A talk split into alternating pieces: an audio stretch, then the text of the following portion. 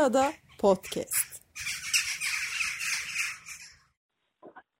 Merhaba ben Mustafa Dermanlı. Tüm dünyayı etkilemeye devam eden koronavirüs salgını e, Bozcaada'da da e, haliyle devam ediyor. Ben de bu süreçte başladığım ve Bozcaada'daki arkadaşlarımla ada insanları ve adalılarla gerçekleştirdiğim Covid Muhabbetler serisine devam ediyorum.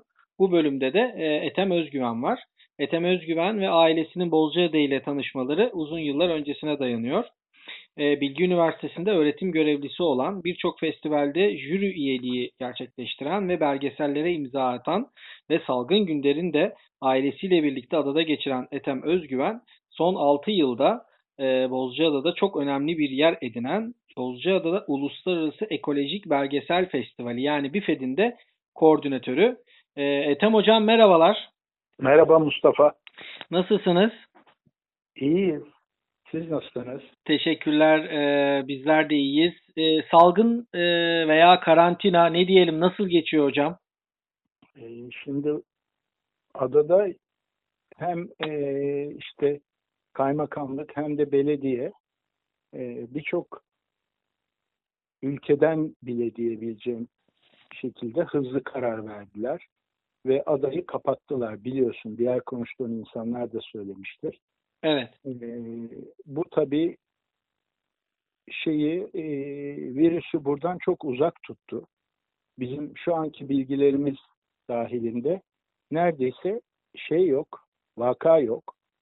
E, biz bu iş ilk başladığında immünolog çok eski bir arkadaşımızla konuşmuştuk. Bu büyük kentlerde yoğunlaşma ve Türkiye'ye gelme sürecinde sanıyorum 6 hafta falan oldu.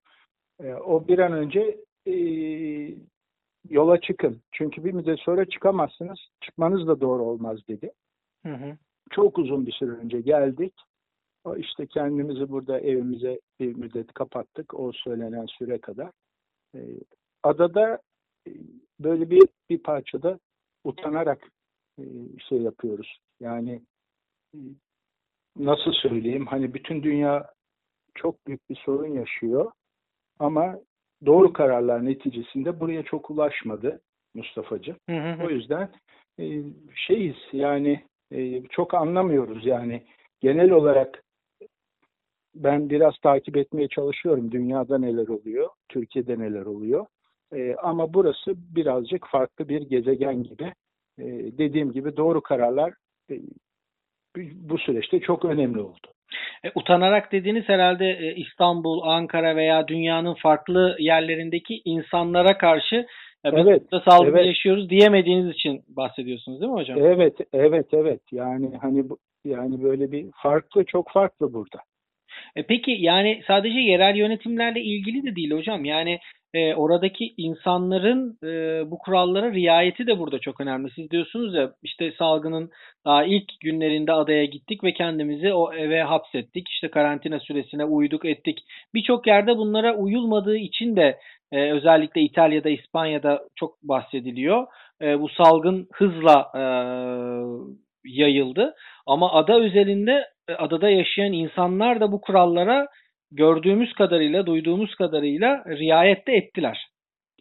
Evet, yani belli oranda doğru. Şöyle, e, şimdi burada e, emniyet de gördüğüm kadarıyla kontrolleri devamlı yapıyor. Yapabildiği ölçüde. Yani hiçbir kimsenin başında 24 saat bekleyemezler tabii. Hı hı. Ama günün belli saatlerinde insanları kontrol ediyorlar. Nüfus çok az burada. Yani bir takım tedbirleri burada almakla İstanbul'da almak arasında çok ciddi de fark var. Evet. Ee, bir de hani birçok kentte şu anda dünyada ve Türkiye'de e, endüstriyle sağlıkçılar arasında bir şey var. Değil mi? Sen de fark ediyorsundur. Yani işte Gebze'de fabrikalar açık. Evet. Ya- yakında bir takım yerler açılacak. Ee, ama doktorlar çok erken diyor. Sadece bizde değil bu. Dünyanın birçok yerinde. Ee, aslına bakarsan şeye de tam inanmak mümkün değil Mustafa. Bütün her şeyi doğru dürüst uyguladığımıza. Çünkü bu çok yabancı bir şey. Yani işte kargo geliyor. Evin dışında bir sürü ilan kesiyoruz. Naylonu bahçeye koyuyoruz. Sonra elimizi yıkıyoruz ama unuttuğunda oluyor. Hani E, çok zor bir süreç bu. Evet, bazı iş kolları, e, bazı yaş grupları ve ne yazık ki bazı e, işçiler, insanlar e, ne yazık ki bu alınan kararlarda gözden çıkartılmış e, gibi de e, görüyoruz ve okuyoruz zaten takip ettiğimiz süreçte hocam. Doğru doğru. Bir de mesela ben şeylere çok üzülüyorum yani. Kargo çalışanlarına. E, çünkü çok uzun süreler çalıştıklarını görebiliyorum zaten. Çok ağır bir iş yapıyorlar. Çünkü her şey kargoyla artık. Değil mi? Evet. E, e, mesela onlar hakikaten korkunç durumdalar yani. Böyle hiçbir şey yokmuş gibi çalışan bir grup var. Market çalışanları yine öyle. Market çalışanları. Çok haklısın. Market Benzin, çalışanları. benzin istasyonları. Yani ben sağlıkçıları zaten en başa yazıyorum. Onu e, eczane ve sağlık çalışanları çok hem riskli gruptalar, e, devamlı e, hasta po- potansiyel hastalarla birlikte oldukları için zaten çok riskli gruptalar. Bir de işlerine ara vermeden e, devam eden dediğiniz gibi kargo çalışanları, market çalışanları, e, benzin istasyonları ve ne yazık ki o büyük endüstrinin, sanayinin e, dayattığı e, işçiler.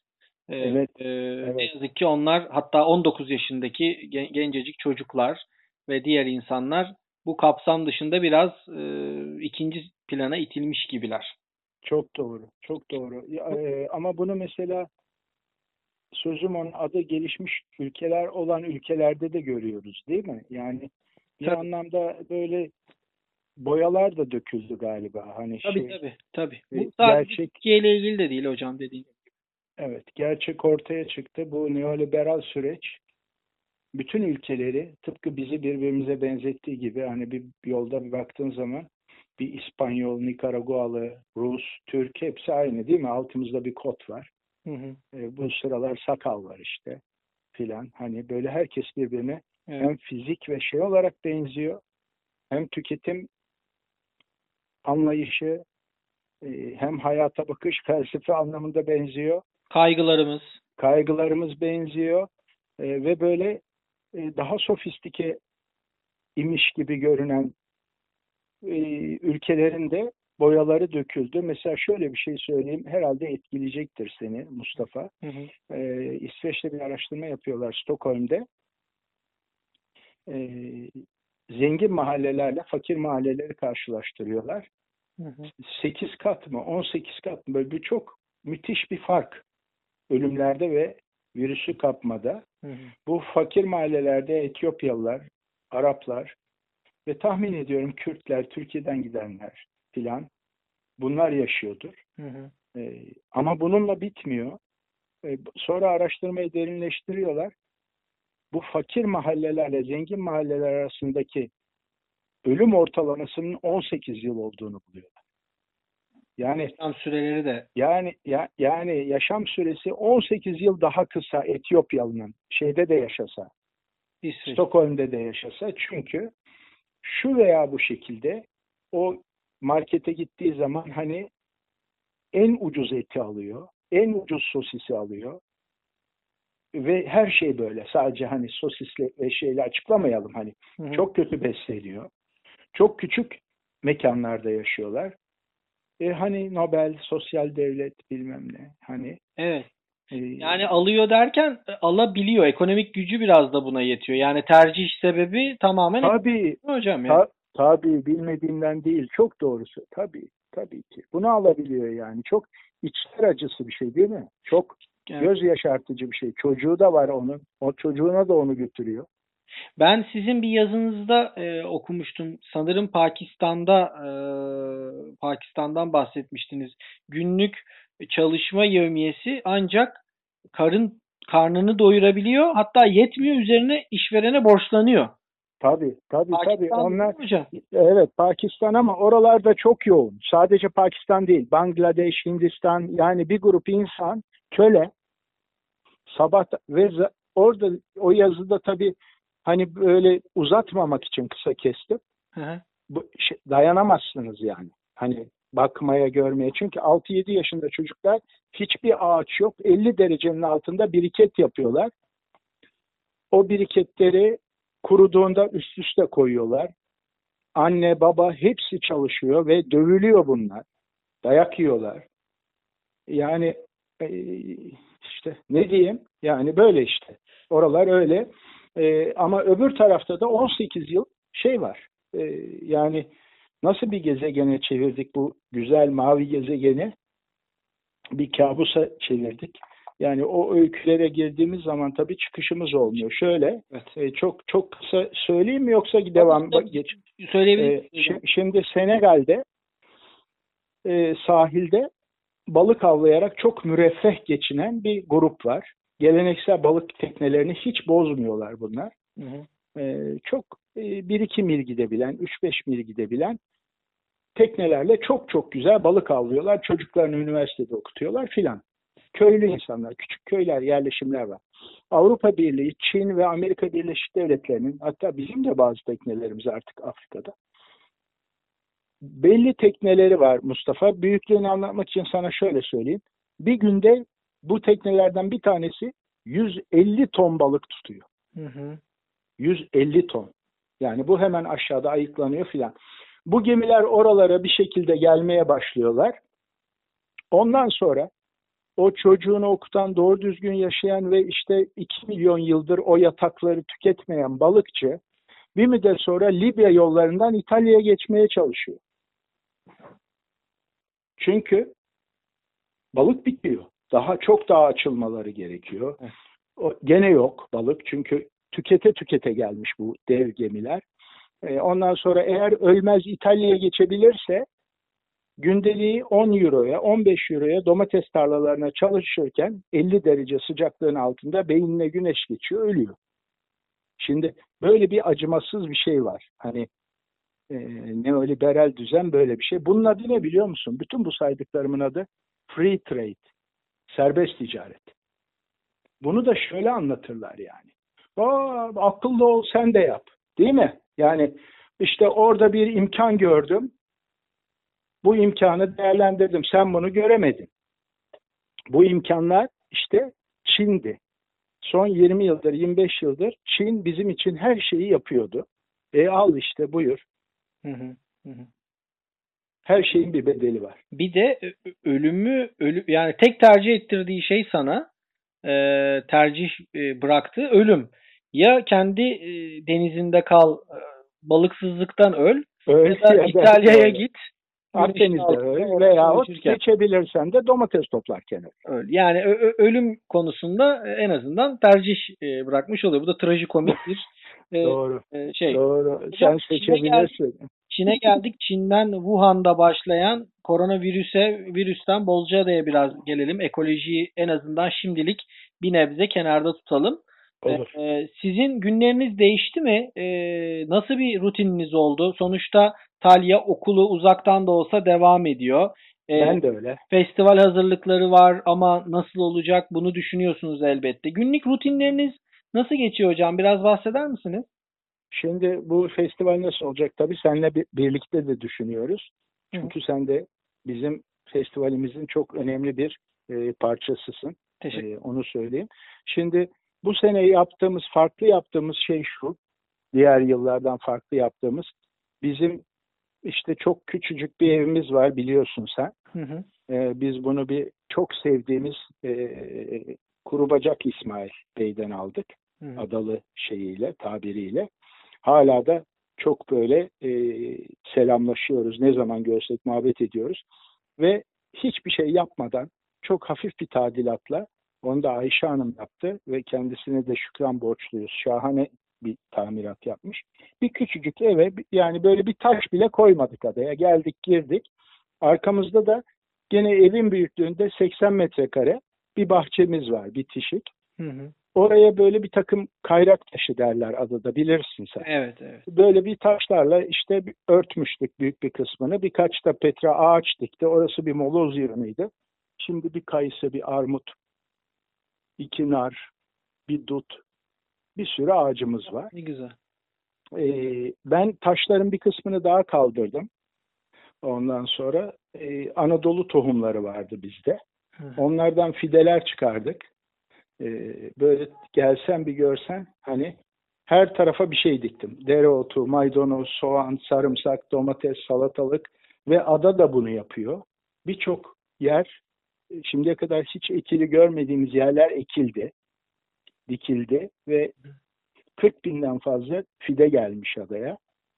Ee, bir takım insanlar kendileri yapıyorlar fideleri. Bu gelen fidelerdeki tek e, problematik durum büyük bir çoğunluğu hibrit bu fideleri. Evet. Ama ilk yılı böyle olur. Yani belki ada e, her şey umarım eskisi gibi yerine tekrardan aynı şekilde oturmaz. E, belki ada başka çözümlere doğru da gider. Daha sakin. Eskisinde olduğu gibi 20-25 sene önce olduğu gibi. Hı hı. Daha küçük. E, kendi tarım ürünlerini de üreten eskiye dönmüş bir takım özellikler kalır umarım. Şu anki adanın durumu böyle bir e, bilim kurgu romanı gibi. Yani Mayıs ayında her yer bomboş. Kumsallarda hiçbir şey yok. Mesela ben çok balığa giderim bilirsin. Hı hı. Gittiğim yerlerde mesela bizim milli sporumuz nedir sence? Mangal, milli spor. Mangal yerlemek olabilir hocam. bir, tamam sen nereye doğru gideceğimi bildin. Hayır esas ana milli spor şeydir.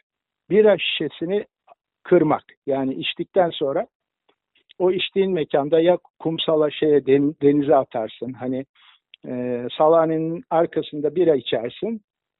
Aşağıdaki kayalıklara atarsın. Kırılır. Orada denize girenin bacağına batar. Mendirek'te mesela her tarafta plastikler olurdu. Hı hı. Boş şişeler. Hiçbiri yok. Deniz kışın temizlemiş. Şu anda onları atan da olmadığı için kumsallar çok temiz, her yer çok temiz. Yani birkaç tane denizin vurduğu plastik dışında çok temiz ve bütün tarlalara ekilen, bütün bağlara bakılan böyle bir değişik bir ada var ve bomboş bir ada var. Müzik yok. O böyle telaşeler yok. Vapurdan işte yani bunların tabii hepsi çok bencilce de şeyler değil mi? İnsanlar buraya tabii ki gelecekler. E, ama burası çok çekici, çok cazip bir yer olduğu için bütün bu geliş gidişler hep e, adanın taşıyabileceğinin üzerinde oluyordu. Onun to- tam tersi bir şey var şimdi. Bu pe- peki sürdürülebilir olur mu yoksa virüs ee, ama 3 ay sonra ama 6 ay sonra geçtiğinde biz eski Bozcaada'ya döner miyiz? İşte esas soru işareti ve cevap aranması gereken nokta da burası sanki hocam. Do- doğru. Ve, ama benim hiçbir fikrim yok. Yani proses bitmediği için şeyin içindeyiz. Değil mi? Sürecin. Yani öngöremiyoruz mesela, belki. Evet, evet. Şeyi de öngöremiyoruz Mustafa. Yani işte ikinci defa olur mu, üçüncü olur mu, mutasyona uğrar mı? Yani hani bunlarla ilgili hiçbir şeyle ilgili bilgimiz yok. Mesela şu an olumlu da bakıyoruz değil mi? Türkiye'de biraz hafifledi rakamlar. Evet. İşte bir platoya ulaştı mı, ulaşmadı mı? Ee, ama Almanya'da bile doktorlar e, tehditler alıyorlar. Yani gevşetmeyin bu çok erken diyen doktorları bir grup insan da tehdit ediyor Almanya'da. Ee, Türkiye'de de e, bence tehdit var mıdır yok mudur bilemiyorum ama Türkiye'de de baskı baskıların olduğunu düşünüyorum. Yani e, en son bakan açıklamasında bile mesela maçların oynanacağı ile ilgili e, benim böyle bir kararım yok deyip sorumluluktan e, en azından kendini e, geri çekiyor. Veya AVM'lerin açılması zaten kapanması da kendi kararlarıydı diyebiliyor. Sanki bir yerlerden bir baskı var da e, çünkü bilim kurulunun anladığımız kadarıyla ne futbol oynanmasına ne AVM'lerin açılmasına henüz e, onay vermediğinde bir bilgi var e, gelen ne kadar doğru bilemiyoruz. Söylenti var diyelim ya da.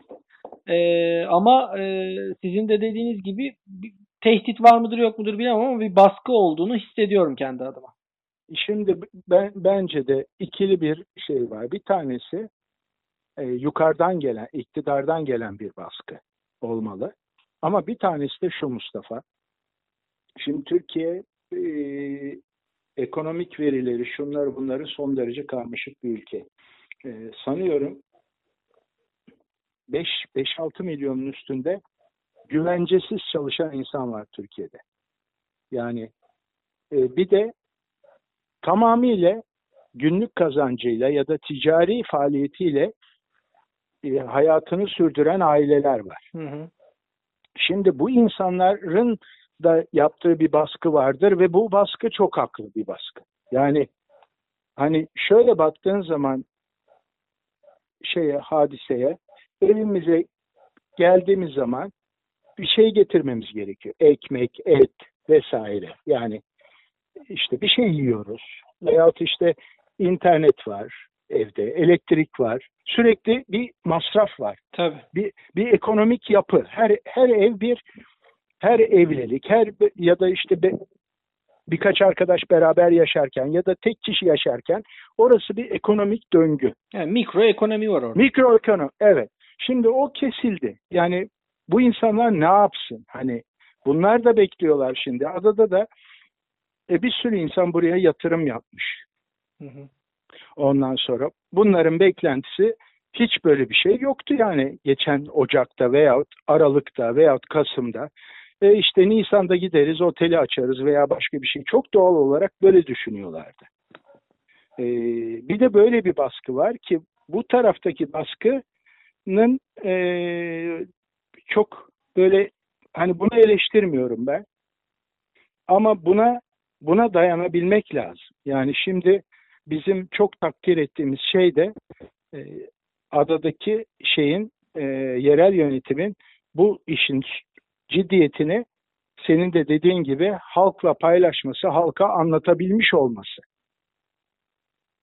Şu an için adada görünen şey bu. Hani e, olumlu nokta bu. İnsanlar anlamış görünüyorlar problemin ne kadar büyük olduğunu.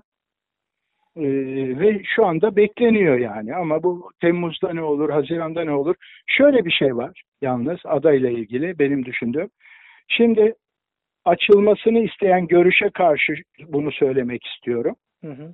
Şimdi adayı turizme açtınız ve devletin koymuş olduğu kurallar dahilinde de insanlar buraya gelmeye başladı.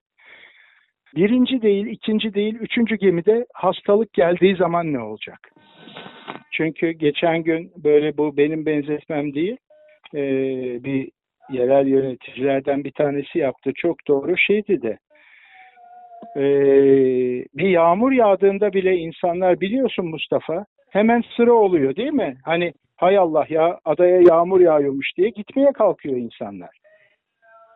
Yani E şimdi e, tabii virüs çıktığında ne olacak? B planı, yani- C planı var mı? Yani öyle bir şey olduğunda ne yaparızı? Hayır şu olur.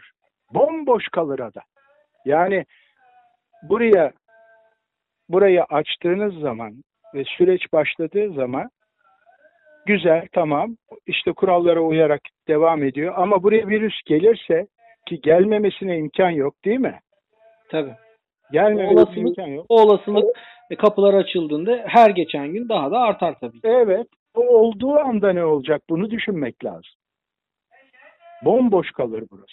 Burada da hocam yani e, devlet devlet sübvansiyesi gerekli. Yani yerel yönetimlerle çözülecek bir durumu aşan bir husus var. Yani Çok e, haklısın. e, benim de Çok. kafem var ve kapalı iki ay oldu. Kuruş Evet. devletten destek alamadım. Evet. Kredi bile hala onaylanmadı. Bırakın faizli kredi bile onaylanmadı. Elektrik faturam geliyor çünkü dolaplar çalışıyor da yiyecekler var. E ben bazı yayınlarda bunu söylüyorum. Dinleyenler diyecek ki devamlı kendi şeyini söylüyor ama e benim de şeyim bu. Yani bu- bunu dile getirmem gerekiyor. Yaşadığım örnek bu çünkü. E, bizzat yaşadığım için kulaktan dolma da değil. ADSL'im çalışıyor, telefonum hala var, faturalar devamlı geliyor, kiram ödeniyor vesaire vesaire. Şimdi bununla ilgili devlet sübvansiyesi olmadan ben kaç ay daha dayanacağım buna? İster Çok- istemez çok önlemlerle birlikte açmak artık ben de açmak istiyorum ki eski şartlarda açamayacağım eski masa sayıları sandalye sayıları olamayacağını ben de biliyorum. Zaten o anlamda belki de yarı yarıya belki üçte birine düşecek oradaki benim e, cirolarım ve masa sayılarım. E, bu benim zaten e, büyük anlamda ekonomik sıkıntı yaratacak. O sebeple e, artık dayanma şeyleri bu iki ayın sonunda nasıl çözülebiliri de önümüze koymak gerekiyor. Hadi açından değil de e, bir planlama yapılması lazım sanki. E, Evet, e, evet. Ama dediğiniz de bir taraftan doğru. Böyle bir vaka geldiğinde o zaman ne olacak? E, iki ucu bir e, olumsuz bir durum var. Umarım Evet. E, Evet. e, yani Çok bu- zor. Çok zor. Yönetici Ülkelerin- olmak da çok zor bu Tabii. dönemde. Tabii tabii yönetici olmak da çok zor. Eminim ki yöneticilere de her iki kesimden e, baskı geliyordur diye düşünüyorum. Ya tereddütsüz geliyordur ve dediğin gibi bak sen de işte bunu birebir yaşayan birisi E, ve son derece haklıdır da insanlar. Yani öyle değil mi? Hı hı hı. Ama işte çözüm çok zor. Çok çok zor bir dönemdeyiz. Peki hocam e, biraz tekrar ekolojiye döneceğim. Yayınımızın da son bölümüne geldik. E, sağlıklı gıda, temiz gıda siz BİFET'te özellikle e, zaten çok fazla yer veriyorsunuz festivalde filmler olsun, orada yapılan atölyelerle ilgili olsun. E, sizinle yayın öncesindeki günlerde zaten birkaç defa bu konuyu görüştük. Hatta online toplantılar da yaptık, toplantı da yaptık. Evet. Evet. Ee, bu konu biraz daha gündeme geldi. Türkiye'de birazcık e, bu tip şeyler e, pop olur yani pop, popüler hale gelir ondan sonra unutulur. Moda modaymış gibi olur. Umarım bu tabii ki parantez açıyorum moda olmaz ve bu kalıcı hale gelir. Ee, siz ne düşünüyorsunuz? Bu e, sağlıklı gıdaya, temiz gıdaya, yerele e, yüzümüzü birçok insanın dönmesi gelecekle ilgili de e, devamını getirir mi? E, ne öngörüyorsunuz bu konuda? Valla eee, yani sadece umut edebiliyoruz öyle değil mi? Hani eee, şimdi böyle bir dönem yaşadık ve bu da sürüyor. Önümüzde de sürecek gibi bir şey var. Eee, biz sadece seninle konuştuğumuz eee, süreçte değil şey başladığından beri yani bu kriz başladığından beri e, en fazla düşündüğüm mevzu bu. Yani biz bu süreç bittiğinde bir şekilde biterse eğer iki türlü çıkabiliriz. Bunlardan bir tanesi işte daha şimdiden Google, Facebook, Microsoft kağıtları borsada yüzde yirmi değer kazanmış. Bunlardan bir tanesi bugüne kadar sürekli rahatsızlığımızı belirttiğimiz yani kendi adıma konuşuyorum tabii. Bu neoliberal acımasız ekonomik düzen ve dünyanın tüm zenginliğini neredeyse e, yüzde 99'una sahip bir yüzde bir azınlık süreci. Ya bunlar çok daha güçlenecek ya da bizler bu sıradan vatandaşlar daha çok dayanışmayı öğreneceğiz birbirimizle. E, bu dayanışmanın en temel koşullarından bir tanesi de işte sen birçoğunu benden daha detaylı biliyorsun. Bu civarda da çok var. Kaz Dağları'nda Cembirler var değil mi? İstanbul'da Temiz Hasat var. Güneşin var gene buralarda bir yerde yaşıyor da Buğday Derneği.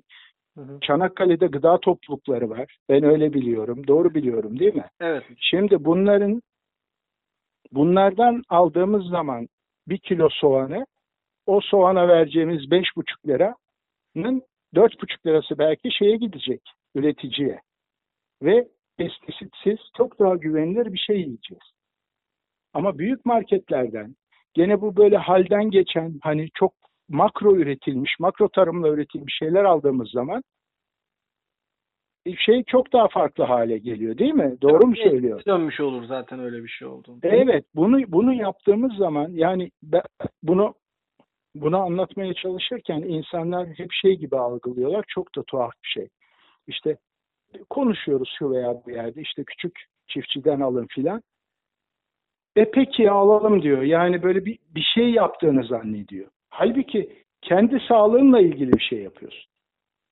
Kendi geleceğinle ilgili bir şey yapıyorsun. Yani bunu bir favor gibi düşünüyorlar. Hani e peki alalım o zaman kimmiş bunlar ya işte ya işte toprak anaymış. E peki alalım bir de- ya bu seninle ilgili bir şey. Senin sağlığınla ilgili bir şey. O İsveç'teki Etiyopyalı'nın 18 sene önce ölmesinin sebeplerinden bir tanesi de sürekli olarak kötü gıdayla beslenmesi.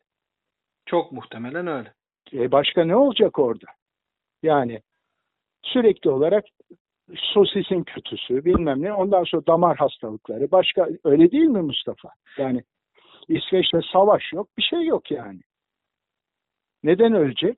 Hı hı, hı. Soğuktan da ölmüyorsa ya. Peki Bozcaada kendi yani tabii ki e, Çanakkale'deki, Kaz Dağı'ndaki, Çankırı'daki, Ankara'daki gıda üreticileri çok önemli, değerli.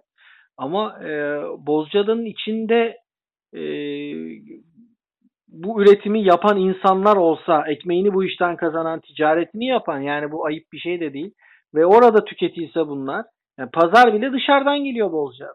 Doğru ama bu sene olacak o dediğim. Yani umarım olur çünkü Bozca yani Bozcaada'daki tezgahtaki arkadaşlardan dinleyen var mı ya da kulaklarına gider bilmiyorum. Hepsini çok severim yani tanıştığım birço birçoğu da var. Bu ayrı bir mevzu. Demek istediğim bu değil. Ama Bozcaada'da kurulan pazarın neredeyse tamamı karşıdan geliyor. Yani ada ada kocaman bir toprak coğrafyası ve orada e, fasulye de üretilir, patlıcan da üretilir. E, meyve sebze de olur. Ha, olmayanlar tabii ki dışarıdan gelebilir. Bu ayrı bir mevzu. Ama 3 kişinin, 4 kişinin, 5 kişinin bu işe sorumluluk böyle bir e, üretim yapsa bu çok ütopik mi geliyor bilmiyorum ama ke keşke yerinde üretim ve yerinde tüketime de çok uygun bir şey. Yani bu bu yaz olacak. Umuyorum hocam. Yani bir ay sonra tahmin ediyorum soğan, maydanoz, domates, salatalık, patlıcan, biber bunların fazlası da olacak adada. Yani dışarıdan bu tür şeylerin hiçbirine ihtiyaç kalmayacak. Yani bir, bir günü kaldı. Her yer şey fide. Herkes bir şeyler dikti. Birbirleriyle değişiyorlar insanlar. İşte Zeki Hoca gene Anadolu tohumlarından fideler yaptı. Onları veriyoruz. Ben de yaptım. Başka insanlar, bir, herkes birbirine bir şeyler veriyor. Tesbih ağacının meyvelerinden işte ilaç yaptık ısırgandan. Ee, onları atıyoruz ağaçtaki zararlılara filan. Herkes birbirinden bir şey öğreniyor. Bu yaz o dediğin mutlaka olacak. Peki umuyorum hocam. Ee, umarım sonraki yıllarda da devam eder. Bu bir İnşallah. alışkanlık haline gelir. Zaten Bozcaada'nın 20 yıl öncesinde birçok kişiyle konuştuğumda adada 3 tane mandıranın, birçok değirmenin, çünkü buğday yapılıyor, olduğu e, bir coğrafyada e, hayvancılığın yapıldığı, hayvan meralarının olduğu e, bir coğrafyada bunların olmaması zaten e, düşünülemez. Umarım tekrar o 10 yıl öncesine, 15 yıl öncesine, 20 yıl öncesindeki Bozcaada en azından tarım ve hayvancılık olarak Bozcaada geri döner diye e, bağlamak istiyorum. Kesinlikle öyle olacak gibi görünüyor Mustafa. Peki hocam son olarak söylemek istedikleriniz nelerdir? Vallahi çok sevgiler, çok bile konuştuk yani. Ee, teşekkür ederim. Ee, çok naziksin. Ee, iyi oldu. İnşallah e, bu musibetten bir iyi bir şey çıkar. Ee, diye umuyorum yani. Peki, peki hocam. Ee, çok teşekkür ediyorum. Ben çok teşekkür ediyorum. Salgın çok çok teşekkürler. e, bahçenizde o nefis buğulamanızla e, sağlığa Sağ ol, bekleriz. İnşallah gene yapacağız. Peki, hoşça kalın. Saygılar. Çok teşekkürler eşine ve sevgili çocuğuna hep hepinize selamlar. Hoşça kalın sizler de. Görüşürüz Mustafa'cığım.